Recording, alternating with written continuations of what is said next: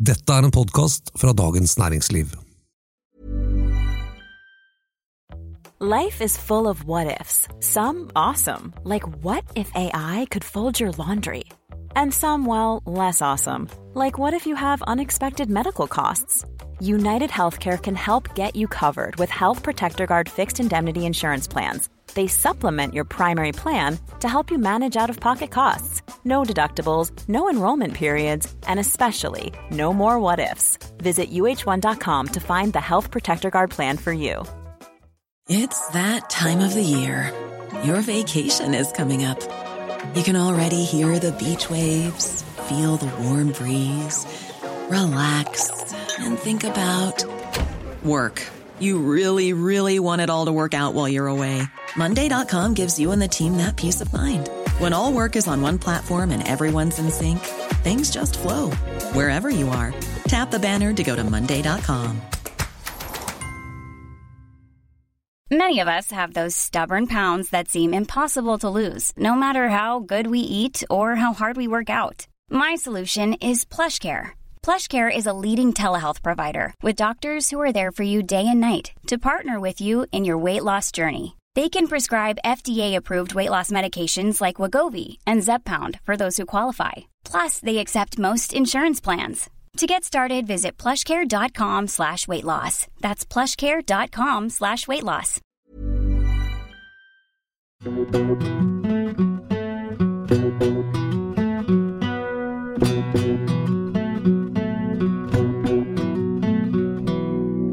Republikanske politikere flykter fra Trump for å redde sitt eget skinn.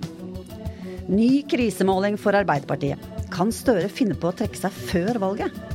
Dette er den politiske situasjonen.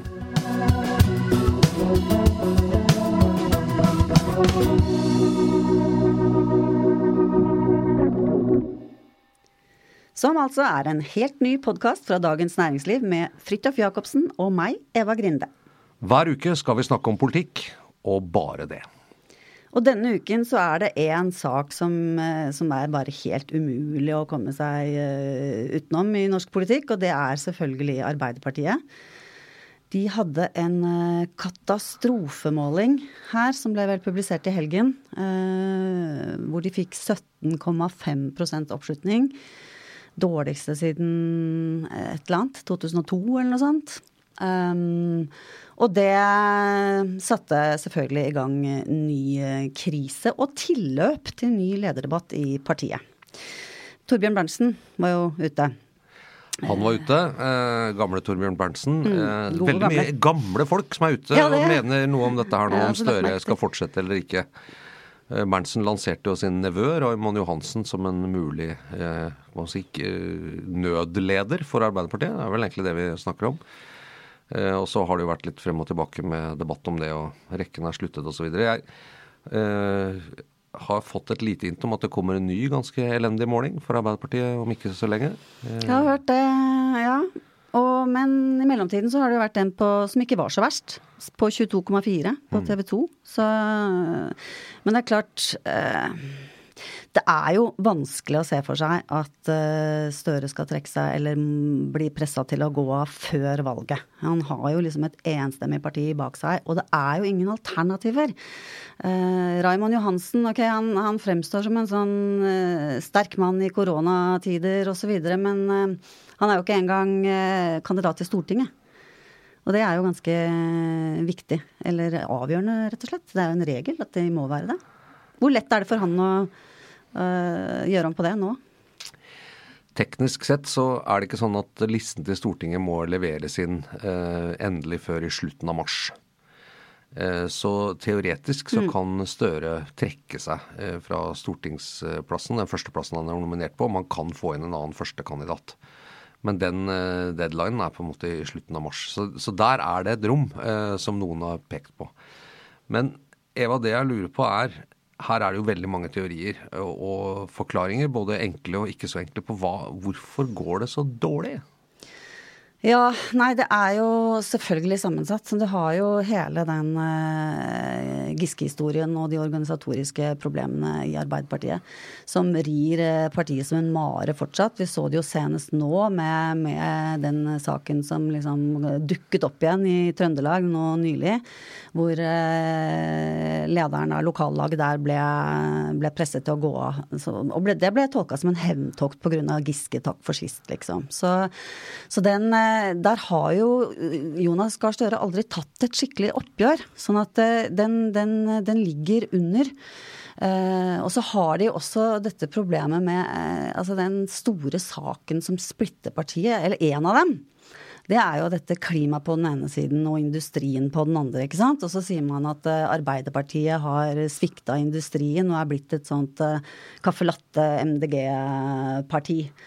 Um, og, det, og der Jeg tenker altså Arbeiderpartiet som styringsparti uh, har jo vært kjent for å, å, samle på en måte mange forskjellige folk og, og standpunkter, og greie allikevel å, å, stå sammen som et parti. Men når de da svikter på det organisatoriske og på ledelse, altså, hva er det som da skal holde dem sammen? Så du ser liksom at klimafolket i Arbeiderpartiet uh, går mot SV og MDG, mens uh, industri folkene har Senterpartiet tatt eh, på et vis Eller i hvert fall én måte å se det på. Jeg tror de sliter som, som, eh, som eh, styringsparti når ikke de har eh, organisasjon og ledelse i orden. Det er, det er det, som er stikkordet, altså.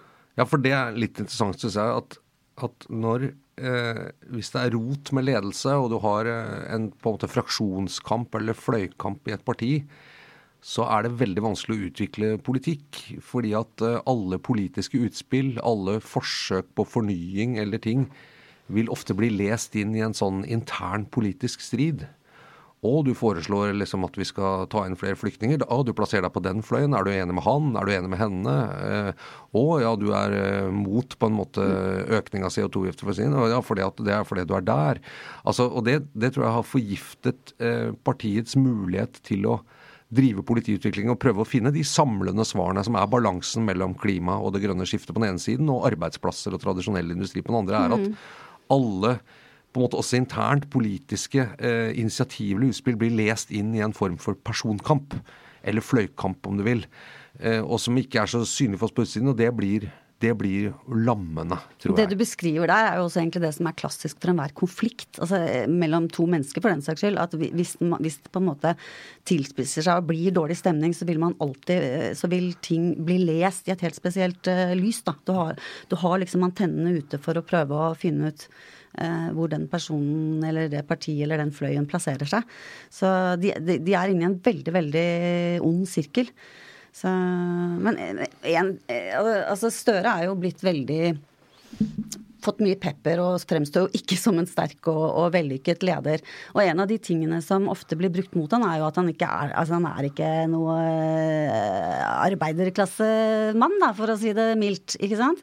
I motsetning til Gro Harlem Brundtland ja, og Jens Stoltenberg? Liksom. Nei, det er akkurat det. fordi at jeg tenker, hvordan, hvorfor, kom de, uh, hvorfor kom de unna med det, liksom? Uh, han, han, har jo um, Og da, da tror jeg at, at, hans problem ikke bare er den klasse, klassebakgrunnen bakgrunnen, men, men også eh, personlige egenskaper. Altså jeg tror både Stoltenberg og Brundtland hadde en bredere appell, tross alt. Mm. Um, og så er det selvfølgelig dette med, med arvede penger osv. Som, som kanskje gjør det sånn ekstra.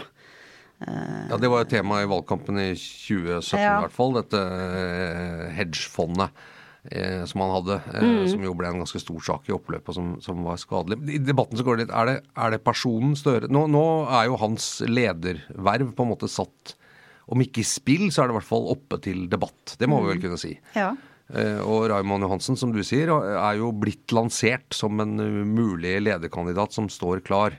Og selv om man sier at ikke vi har noen, noen lederside i partiet og sånn, så, så politikk er jo ikke sånn. Man, man, melder seg ikke på og sier at man utfordrer. Det er vel bare i Oslo Høyre og sånn man holder på med, med den typen ting. Eh, men det er nok etablert at, at, partiet har et valg som de kan ta ved å, ved å bytte leder nå eh, rett før landsmøtesesong og i et valgår. Men er problemet ledelse, eller er det politikk, eller er det begge deler? Hvordan ser du på det? Det er, jo, det er jo en eh, pen blanding. Altså, du kan jo ikke se på Arbeiderpartiets problemer uten å se på Senterpartiets eh, vekst, f.eks. Altså, de to tingene der henger jo sammen. Uh, litt morsomt da, den uh, siste liksom, vrien på debatten her, å prøve å lansere Raymond Johansen som en sånn industriens uh, mann, i motsetning til, til Oslo-Støre, liksom. Det er jo litt merkelig. eller hovedstads vestkantmannen. altså, Raymond Johansen er jo da byrådsleder i Oslo og samarbeider med MDG, ikke sant. Så det, det er jo egentlig en litt pussig Men han, han fremstår jo som en, eh, en sånn grepa distriktsarbeidsmann, ikke sant. Sånn at han, eh, han, han er veldig annerledes i fremtoning enn Jonas Gahr Støre. Så eh, det er vel kanskje derfor han trekkes fram, og også litt fordi han har vært såpass tydelig korona, under koronakrisen. Har vært litt tydeligere i, i sin kritikk av regjeringen osv. Mm. Et, et, et, sak som jeg merket meg, som jeg tror TV 2 hadde, var at de, de hadde gått inn i LO og sett hvor mange LO-medlemmer som uh, oppga nå at de kunne tenke seg å stemme på Arbeiderpartiet, og det var nede på 31 ja. Og Det er jo veldig langt unna på en måte den eh, klassiske alliansen hvor LO eh, var eh, grunnfjellet til Arbeiderpartiet og leverte enormt mange stemmer. LO er jo en enorm organisasjon med flere hundre tusen medlemmer, og man har jo vært oppe igjen jeg husker tror valget i 2013 tror jeg det var misnøye med at ikke mer enn 3-54 av LOs medlemmer stemte på Arbeiderpartiet. Og nå er vi nede på 30. Det, det tror jeg er eh, en nøkkel eh, for vekst, at de er nødt til å få gjort noe med det. Også er, er det jo, mulig å få gjort noe med det? det ja, ja det, da må man jo ha politikk, da. Krisen, altså. men, men, det som er kanskje LO-medlemmer Det er jo så, så, stor organisasjon, og som har medlemmer i så mange ulike deler av norsk arbeidsliv, både i offentlig og privat sektor, at det, at selv om klisjeen ikke sant, og litt sånn Yngve Haagensen og arbeidsfolk og sånn, så er jo det er jo mange eh, store yrkesgrupper utenom liksom den klassiske sånn klisjeen om, eh, om, en norsk industriarbeider som er med i LO. Og Det har vært interessant å kunne se de tallene. Synes jeg. Det, de har ikke jeg sett noe sted. Men hvilke grupper i LO er det som ikke har lømt fra Arbeiderpartiet? Altså Er det offentlig, eller er det privat sektor? Er det unge, eller er det gamle?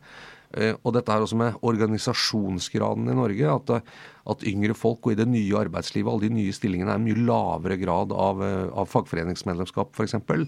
Eh, det setter jo et parti som Arbeiderpartiet på helt nye prøver. For det betyr at de må også lage politikk som utenom de faste kanalene, som, som f.eks. har vært LO, som har vært et veldig viktig sted for å målbære sin politikk og få mange stemmer. Oppdrag til Fafo her.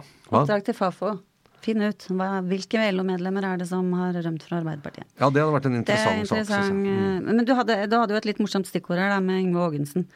Vi må jo bare nevne den lille happeningen der. Ja, ja. Hvor eh, Ja. Arbeiderpartiets rådgivere gikk ut og bestilte et forsvar for Støre fra gode, gamle Ringrev Haagensen. Ja. Og, og Som ikke kan EDB? Nei, og så hjalp han litt med å skrive det og føle i pennen. Ja, men jeg, jeg, har jo stort sett sagt alt som står i den kronikken, så det, det, det får være Ja, ja. ja.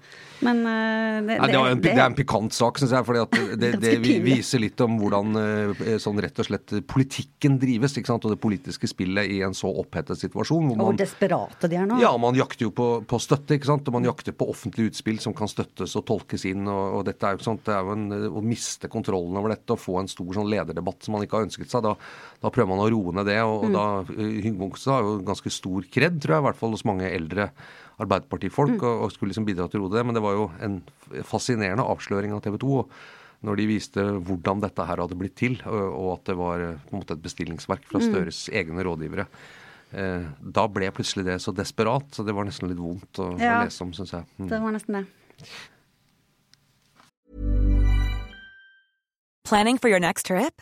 Elevate your travel style with Quince. Quince has all the jet setting essentials you'll want for your next getaway, like European linen premium luggage options, buttery soft Italian leather bags, and so much more. And is all priced at 50 to 80% less than similar brands. Plus, Quince only works with factories that use safe and ethical manufacturing practices. Pack your bags with high-quality essentials you'll be wearing for vacations to come with Quince. Go to quince.com slash pack for free shipping and 365-day returns. En annen politiker som ikke har det så greit, det er jo Donald Trump. Uh, det er som, det. Ja, og Denne historien tror jeg de fleste kjenner, ikke sant, med angrepet på Kongressen og en riksrettsprosess som nå foregår osv. Men, men det jeg syns er interessant eh, med dette, det er, det er hvordan det republikanske partiet og mange toneangivende politikere, ikke minst han uh, Mitch McConnell, som var majoritetsleder i Senatet da, da republikanerne hadde flertall der, som de, de, har jo det formelt et nytt senat blir trådt sammen. Ja. ja. Eh, hvordan han nå har bare falt Trump i ryggen. Eh, og jeg tror det er verdt å merke seg eh, For Mitch McConnell tror jeg er en, han er en meget sofistikert opportunist. Han skjønner hvilken vei hvor på en måte stemningene ligger. Eh, og hans brudd med Trump, hans offentlige brudd med Trump, og hans på en måte åpning for at han kunne tiltales eh, på riksrett osv. Og, så og fjernes, eh, det tror jeg er et tegn på at det republikanske partiet ganske raskt kan komme til å kvitte seg med Trump-æraen. Akkurat som de ganske raskt ble et Trump-parti, så kan de raskt slutte å være et Trump-parti, jeg. Jeg håper, Fridtjof, at du har rett. Virkelig. Kanskje. Kanskje det er grunn til å være så optimistisk. Sånn som det er nå, så må jo 17 republikanere i Senatet Eh, stemme eller dømme, dømme Trump for at han skal bli dømt da, ja. i riksrett. Men det kommer jo til å gå gjennom, eller den går vel gjennom eh, Kongressen omtrent as we speak. Og så er det jo da opp til, til Senatet å dømme. Ja, og De, de kommer jo ikke sammen før 19.1, som er dagen før innsettelsen, så ja. vi må jo vente i, i spenning på det. Men, men det grepet fra demokratene om å igangsette en sånn riksrettsprosess er jo interessant. Det er jo åpenbart åpenbart er politisk taktisk motivert ved at, eh, ved at man ønsker å presse et allerede veldig hardt presset republikansk parti som har tapt valget, tapt Senatet, eh, til nå å ta stilling er du for eller mot Trump. Og det gjør vondt. Eh, ikke sant? Og det viser oss en splittelse, og det kan jo lage store interne splittelser mm. i det republikanske partiet.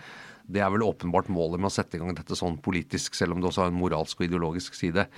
Men spørsmålet er eh, vil det virke? Ikke sant? Eh, ja, hva, hvilken effekt skal dette ha? Fordi det, det, har jo vært debattert ganske mye om at han skal jo ut uansett nå. Um, jeg hørte en ganske uh, spennende podkast her, det var vel uh, The Daily, som, uh, som intervjuet de demokratiske senatorer som lå under bordene inne på kontorene og planla denne impeachment-prosessen mm. mens, mens opprøret pågikk. Så det var ganske, ganske spesielt. Men, eh, men, det som blir e, et viktig argument der, er jo rett og slett eh, å, å statuere et eksempel. Eh, selv om han er ute av office. Altså, meningen med riksrett er jo å fjerne noen fra, fra embetet, ikke sant. Og, og, han skal jo ut uansett. Sånn at man kan spørre er det, hva er vitsen, men, men, men det har jo noe med dette her med Hva skal vi si Sånn er ikke greit. rett og slett. Nei, det, det, det, det, har, det er helt klart det har en sånn side, men jeg tror aldri man skal Man må aldri undervurdere hvor politisk motivert og taktisk motivert politikers handlinger er. Mm. Eh, de vil jo alltid fremstille det som om de på en måte er, eh, springer ut av liksom ideologiske ideologisk overbevisning, sånn, men det tas alltid politiske og taktiske hensyn. Eh, og Det tror jeg også det gjøres her. Og jeg tror sånn På kort sikt så er det selvfølgelig lurt nå å synliggjøre at, at det republikanske partiet er i ferd med å krakelere helt, og også har en fløy som på en måte står last og brast med Trump. De, de hadde jo ikke før kommet sammen igjen etter at Kongressen var stormet, hvor flere av, av, av de republikanske medlemmene av, av, både Kongressen og Senatet eh, på en måte stilte spørsmålstegn ved valgresultatet igjen.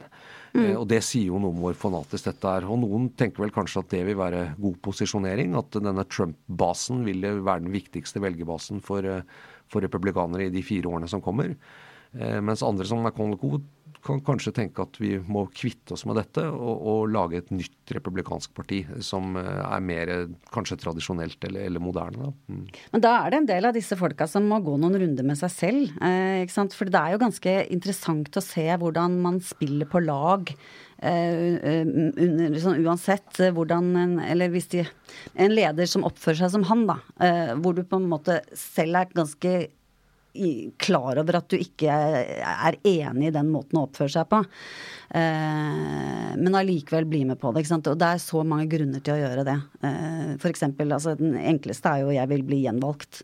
Og hvis jeg tror Trump eh, og trumpistene vinner, så holder jeg meg inne med han. ikke sant? Mm. Så det er, jo, det er jo en sånn Men det kan, det kan, også være en mer sånn psykologisk mekanisme som går på at, at du er redd for å bli utstøtt. Det er veldig behagelig å være i, i varmen av veldig mektige mennesker. ikke sant? Av folk med, med karisma. Og du ser også at den som bestemmer den som på en måte finner opp sine egne regler, det er jo en maktdemonstrasjon i seg selv. Og den har en sånn uh, appell til oss som vi kanskje ikke egentlig liker å Altså til oss mennesker. Som jeg kanskje ikke liker å, å innrømme, men som, uh, som, ligger der, og som gjør at denne typen ledere er så farlige. da. Ja. Uh, det er så risikofullt også å stille og, og, og, og snakke imot dem. Altså, Trump har jo vist gang på gang at han går jo ikke av veien for å henge ut folk. Eh, på de mest eh, ufine måter, ikke sant. Og ja, for han så er verden det er en kamp. Det er å vinne eller tape. Det er hele verdensbildet til Trump. Det blir mer om dette neste uke. Da, da, skal jeg være i USA, i Washington faktisk, og følge denne innsettelsen. På behørig avstand fra enhver eh, forsøk på å storme Kongressen eller Det hvite hus. Det kan jeg love. Ja, men, det er bra. Men, men, det blir det mer om. Og det andre temaet kan det vel også hende at det blir litt mer om utover våren eh, eller vinteren. Umulig. Ikke helt umulig. Dette var eh, første episode av Den politiske situasjonen, DNs nye podkast om politikk med Eva Grinde og Fridtjof Jacobsen. Trykk gjerne på abonner i, i de spillerne du bruker for å lytte på podkaster, og du kan høre oss hver uke. Takk for nå.